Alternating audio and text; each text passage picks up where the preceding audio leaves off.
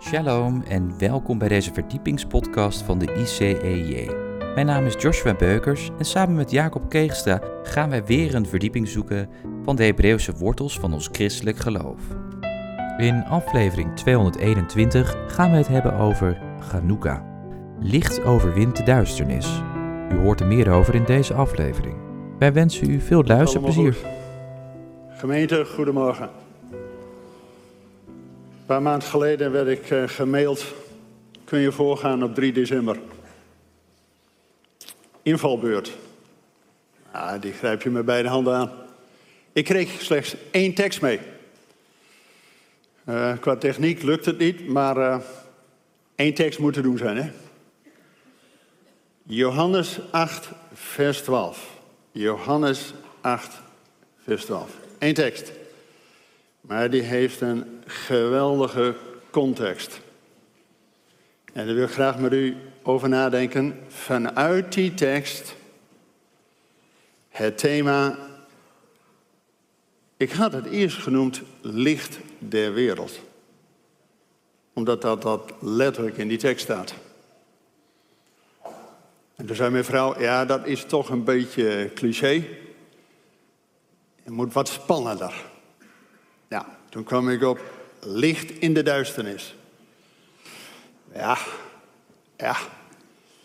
Maar je bent ermee bezig en op een gegeven moment had ik het licht overwin de duisternis. Daar gaan we voor. Dus ik wil die ene tekst graag met u lezen, Johannes 8, vers 12. En dan staat er, Jezus dan sprak opnieuw tot het en zei, ik ben het licht der wereld. Wie mij volgt zal beslist niet in de duisternis wandelen, maar zal het licht van het leven hebben. Tot zover. Alleen, laatste maanden kwam er wel een vraagteken ook achter deze tekst. Is het inderdaad zo dat het licht de duisternis overwint?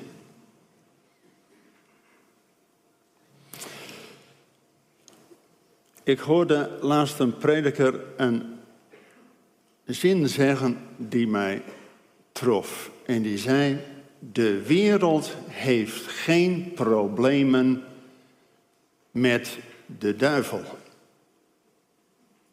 Oh, die kwam even binnen. Ik denk, hoe, hoezo? Ja, hij zei, de wereld heeft geen problemen met de duivel, maar met God. Want de wereld is van God afgedwaald. De zondeval, de wereld leeft in de duisternis. En de Bijbel zegt dan ook, dan zit je nog steeds onder de toorn van God. En dat voelt de wereld aan dat er een God is. En wat doet men dan? Dan probeert men God te bestrijden, te ontkennen, weet ik wat. Alleen je kunt met uh, stokken en zwaarden en kruisraketten naar de hemel uh, gaan uh, schieten. Je raakt God niet. En wat doet men dan? Dan gaat men de knecht van God op aarde een lesje leren. Weet je, in de Bijbel wordt God de naam genoemd, Hashem. En alles tegen God is anti-Sem. Tegen de naam van God. Maar als je God niet kunt raken en dan de knecht van God op aarde Israël probeert te raken, is antisemitisme. En in deze tekst komen die twee onderdelen naar voren. We lezen hem weer. Ik ben het licht der wereld, zegt Jezus. En wie mij volgt, zal beslist niet in de duisternis wandelen, maar zal het licht van het leven hebben. Nou, hoe zit het nou met dat licht en die duisternis? Want de wereld wil God niet en alles wat met God en zijn geboden en zijn volk te maken heeft, wil men wegdoen. Weet u, Jezus kwam om de werken van de duivel te vernietigen. We hebben vorige week avondmaal gevierd. Ik was ook blij dat de host in dezelfde lijn dat het licht overwint door het kruis. Maar we hebben net gezongen dank voor het kruis.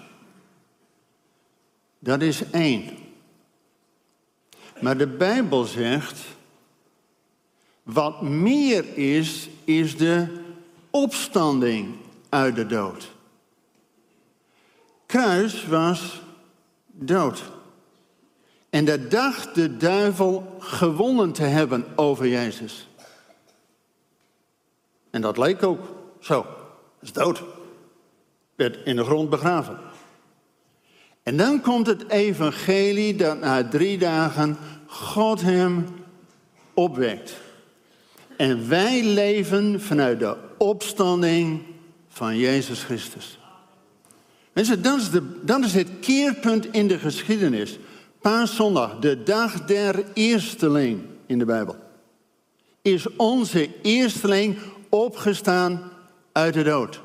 En daarmee heeft hij de dood en de duisternis en de duivel overwonnen. En in die lijn zegt hij, ik ben het licht der wereld. En wie mij volgt, dus ook voor ons die Jezus volgen, dat we niet in die duisternis leven, maar vanuit de overwinning en in het leven van God leven. Alleen nou komt hij, één tekst moet je altijd mee uitkijken.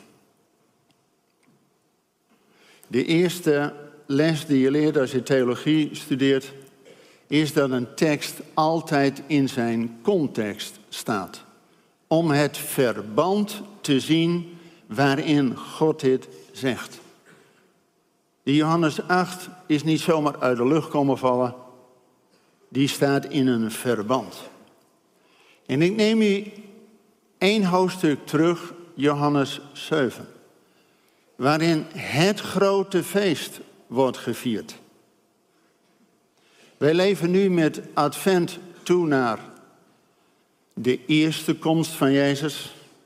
Dat wordt veel en uitgebreid gevierd. Maar ik daag u uit om juist in advent over de eerste komst van Jezus heen te kijken naar de wederkomst. Net zoals wanneer wij vorige week avondmaal gevierd hebben, dan staat er in Gods woord, wanneer gij het viert. Gedenkt gij de dood des Heren, komma, totdat hij komt. Dus avondmaal is een aanschouwelijk onderwijs, niet alleen van wat toen gebeurd is, maar proclameert, hij komt terug. Want Jezus zegt, ik zal vanaf nu niet meer van de vrucht van de wijnstok drinken, totdat ik er nieuw ga drinken in het koninkrijk van mijn vader. Dus alles met advent is gericht op die wederkomst van onze Heer. En er is al voor gebeden, dan pas wordt zichtbaar dat het licht heeft overwonnen en vrede en gerechtigheid. Tot die tijd blijft de duisternis en de duivel behoorlijk ons van het licht proberen af te houden. En daarom is het goed om te weten ook in welk verband Jezus dit zegt. Want met het grote feest, die helaas in christelijke kringen niet gevierd wordt, maar dan mis je ook de zegen. Het Loofhuttenfeest is het grootste feest waar God naartoe werkt. En mensen, gaan vast maar sparen. Maar er komt een tijd dat alle volken zullen optrekken naar Jeruzalem om het Loofhuttenfeest te vieren. Zachariah 14. Dus begin alvast maar. Ja, het gekke is, de moslims die hebben één keer in hun leven dat ze op hajj naar Mekka gaan. Maar ik zie nog weinig christenen die in ieder geval één keer in hun leven naar het Loofhuttenfeest gaan. Maar goed, ik was daar met 3000 christenen op het Loofhuttenfeest in Jeruzalem. En Jezus heeft dat feest gevierd. Dus waarom wij niet? En op het hoogtepunt van dat feest komt Israël samen toen in de tijd van Jezus bij de tempel om te bidden voor regen. Want die hele zomer van Pasen tot Loofhuttenfeest, de hele zomer regent het niet. En vanaf het Loofhuttenfeest bidt men om regen voor de oogst voor de volgende ronde. En dan is men bij de tempel. En dan bidt men, Heer, geef voorspoed. Heer, geef regen. Heer, geef heil. In het Hebreeuws staat daar, Heer, geef Yeshua. En op dat moment, en dat lezen we in Johannes 7, gaat Yeshua staan en zegt, wie dan dorst heeft, komen tot mij en drinken. En een bron van levend water zal uit uw binnenste komen. Dat profeteert hij van Gods geest die dat gaat doen. Dat is het hoofdstuk ervoor. En dan in hoofdstuk 8, wanneer dat loofhuttenfeest geëindigd is en de mensen worden uitgezegend om weer naar huis te gaan. En dan wordt ook, ja, de Bijbel, wellicht kent u het, dat in Israël wordt iedere week een gedeelte gelezen. En iedere week de volgende. Men leest gewoon door. Dus de eerste vijf boeken van Mozes, de Torah, de wet, worden in een jaartijd gelezen. En precies met aan het eind van het Loofhuttenfeest, dan wordt die geëindigd met de zegen. En met die zegen gaat men weer naar huis.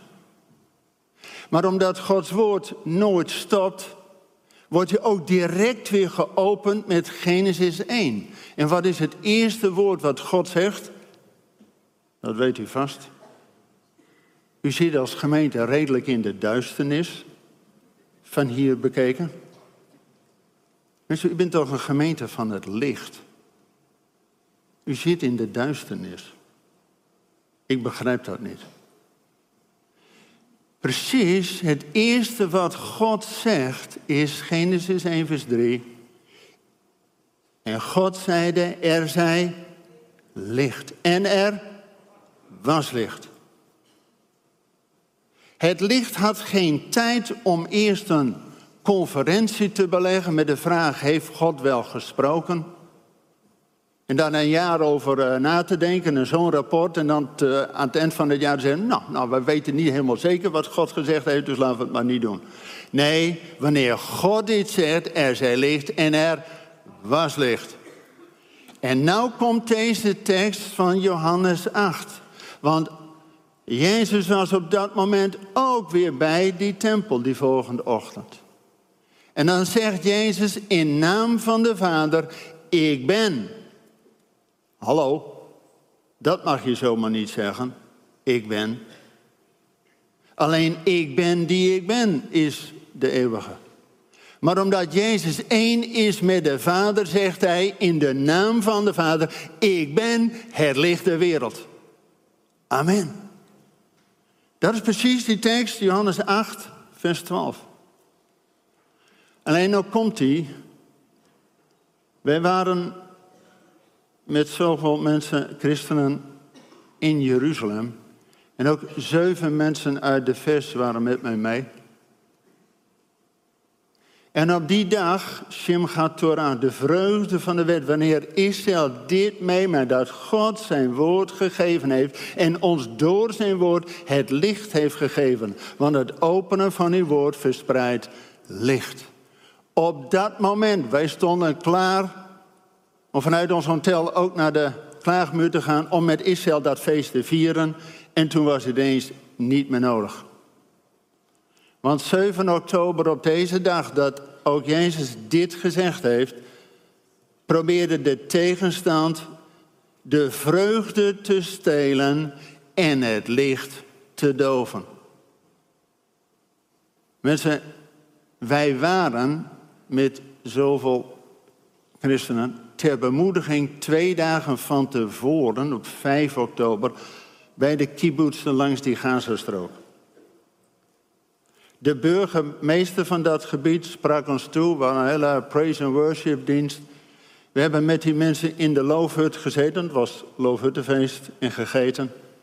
Twee dagen later, 7 oktober, waren wij weer veilig in Jeruzalem, maar de mensen langs de Gazastrook werden op brute wijze vermoord. Ik zal u de details besparen.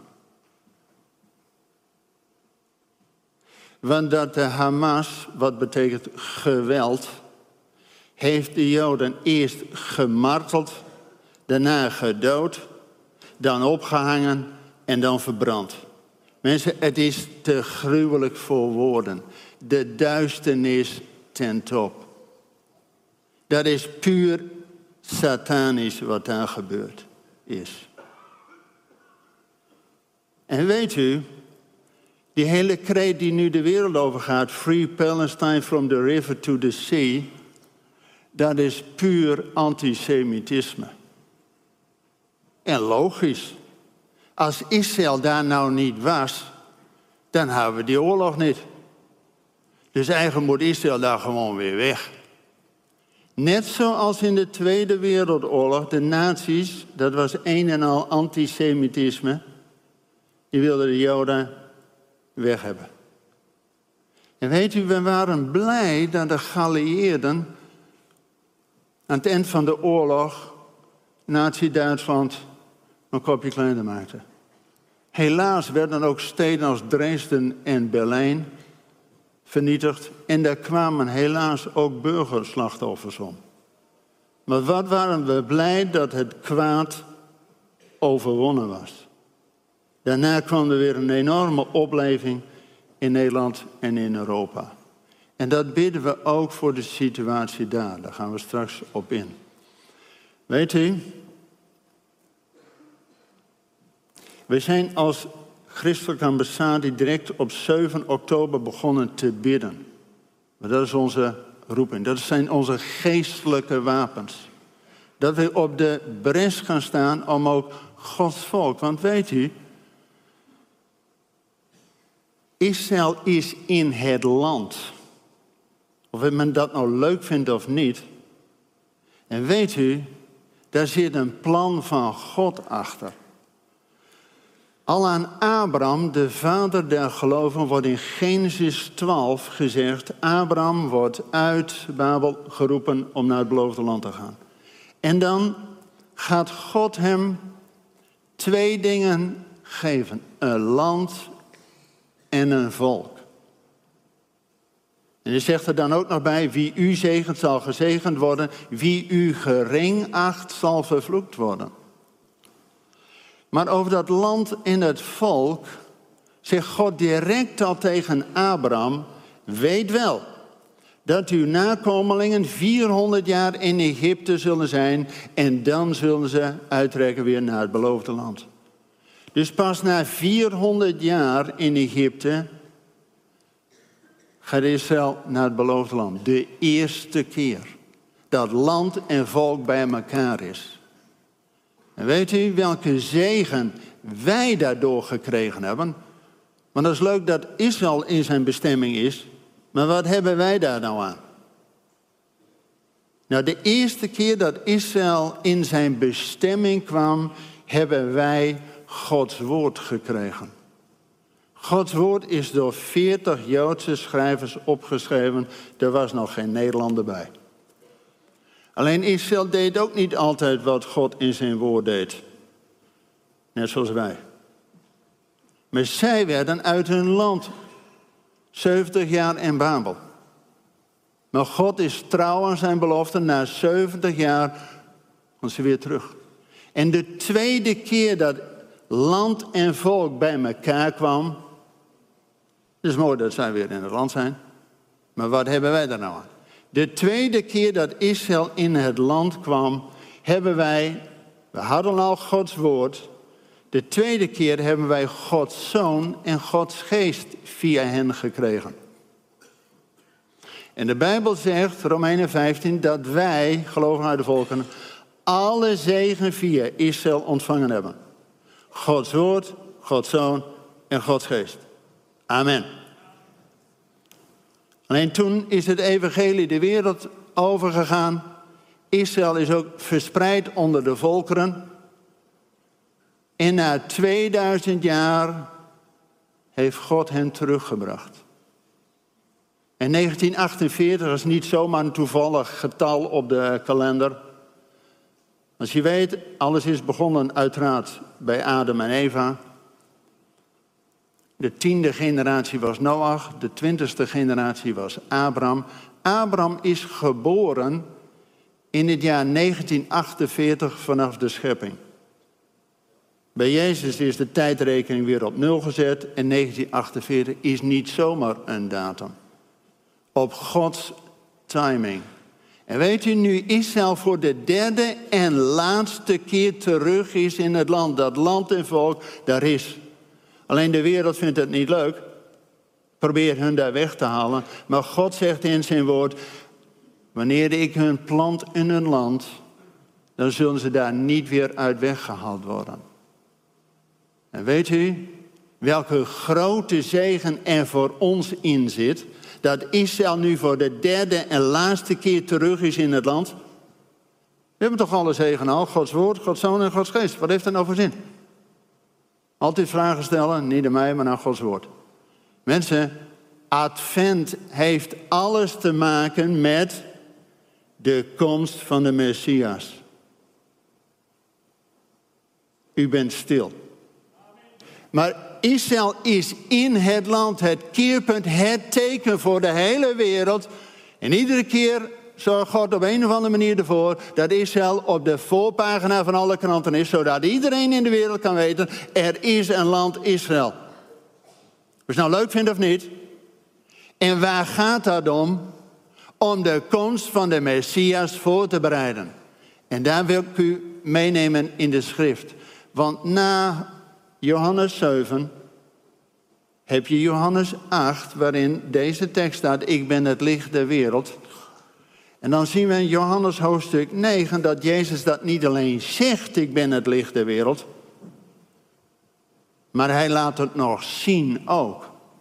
In Johannes 9 is de proof of the pudding dat een blind geborene genezen wordt door Jezus. Dan zegt hij niet alleen ik ben het licht der wereld, maar laat het ook zien. En weet u wat nou het mooie is van onze Heer en Heiland? Bij het tempelcomplex mochten in die tijd lammen en blinden niet komen. Had koning David verboden. En weet u wat Jezus doet?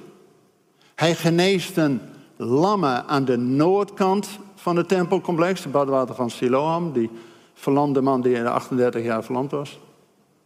En die blind geborene geneest hij aan de zuidkant van het tempelcomplex, dat water van Siloam.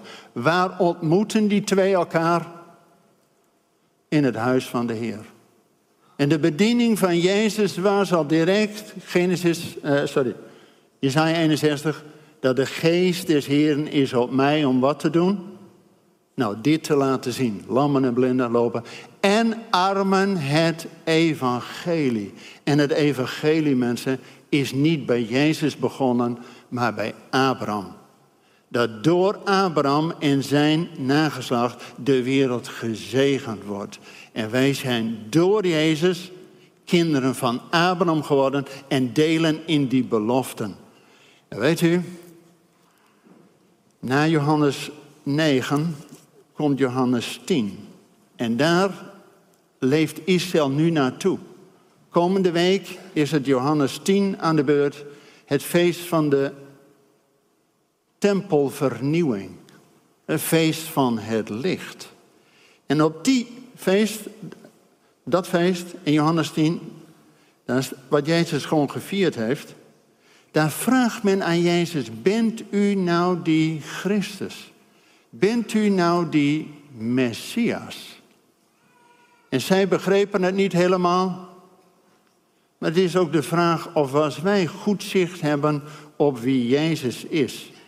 Ik wil u, we hebben vorige week het avondmaal waarin het kruis centraal stond, daar ook over gezongen net. Ik wil u een beroemd schilderij laten zien. Uh, ja, ik hoop dat. Ja, dat lukt dus nog steeds niet. Oh. Dat is echt jammer. Ik had de rest van de plaatjes bewust er niet in gedaan. Ik wou er één schilderij laten zien. Dat is de White Crucifixion van Marc Chagall. Een wereldberoemde Joodse schilder. Die beroemd is geworden van al die gebrandschilderde ramen in de synagoge van de Hadassah ziekenhuis in Jeruzalem. Waar afhankelijk van de breking van het licht hij uh, de panelen meer blauw, meer groen, meer geel, meer rood heeft uh, gemaakt. En dat zijn de twaalf stammen van Israël. Wereldberoemd. Maar hij heeft, en in, dat was in 1938 dat hij dat schilderde. Dat was dus nog voor de kristalnacht. Dat was nog voor de holocaust. Dat was nog voor de staat Israël. En dat was ook nog voor de komst en de wedergeboorte van de Messiaanse Joden. Die zijn rond 1967, toen Israël Jeruzalem kreeg, zijn ook de Messiaanse Joden, dus dat zijn Joden die in Jezus geloven, is dat ineens weer enorm toegenomen. Maar hij schilderde dat al in 1938. En als je dat schilderij ziet, kun je zo op YouTube uh, of uh, Google uh, opzoeken. White Crucifixion, Marc Chagall. Dan hebben vaak, wij als christenen, kijken naar het kruis waar Jezus hangt. De Joden kijken naar alles wat om het schilderij heen, waar Israël allemaal doorheen is gegaan. Kijken daarnaar. Wij hebben vaak geen oog voor wat Israël door de loop der eeuwen is allemaal en heeft moeten ondergaan. Van de kruistocht, het pogroms, de holocaust, noem alles maar op. En tot nu toe. Mensen, de duisternis probeert iedere keer het licht weer te roven. Want weet u, als, het was de Hamas helemaal niet te doen om alleen die Gazastrook. Nee, weet u hoe, hoe de Hamas deze actie, deze oorlog noemt? Nou, is goed om, om je tegenstanders in het oog te hebben. Die noemt dit El Aqsa-storm. Dat betekent, ze gaan om Jeruzalem. En ze hadden het liefste gewild dat de Hamas aan de westkant en de Hezbollah aan de noordkant en de Syriërs aan de oostkant en gefinancierd door Iran, dat ze gezamenlijk optrekken om Jeruzalem in bezit te nemen. Want weet u, als het hun lukt om de Joden te verdrijven en Jeruzalem in bezit te nemen, dan kan Jezus niet terugkomen. Want er zijn een paar voorwaarden voor dat advent werkelijkheid wordt. De eerste is dat het evangelie de, rond, de wereld rondgaat. En wij roepen Maranatha, hier komt spoedig. Nou, dat is bijna zover. De tweede is dat Israël verstrooid wordt en weer terugkeert. Nou, dat zien we nu. Wij zijn de eerste generatie die dat kan zien, hè? Hoef niet eens te geloven, je hoeft alleen maar de knop op te doen. Kun je gewoon zien. En de derde is dat Jezus tegen Jeruzalem zegt: Gij zult mij niet meer zien. Totdat gij zegt, gezegend hij die komt in de naam des Heren. En daarom worden wij als gemeente die alle zegen via Israël ontvangen hebben. Gods woord, Gods zoon en Gods geest. En uitzien samen met Israël naar die komst van de Heer. En die komt niet op de Agnietenberg bij Zwolle terug. Hè? Nee, nee, ik, ik, zeg het maar even. Want we zijn redelijk, uh, hè, dat we het, wij hebben het goed. Nou, de Heer, uh, ja, die kan alleen maar op dag niet te berg komen. De rode loper hier en hier zijn intrek. Jongens, forget it. We zijn verbonden en de wereld ziet uit. Wij zien uit naar de komst van de Heer. En dat is op de Olijfberg ten oosten van Jeruzalem. Omdat Hij het blinkende morgenlicht is. Die vanuit het oosten de stad verlicht. En dan pas zal er vrede zijn op die gansaarde.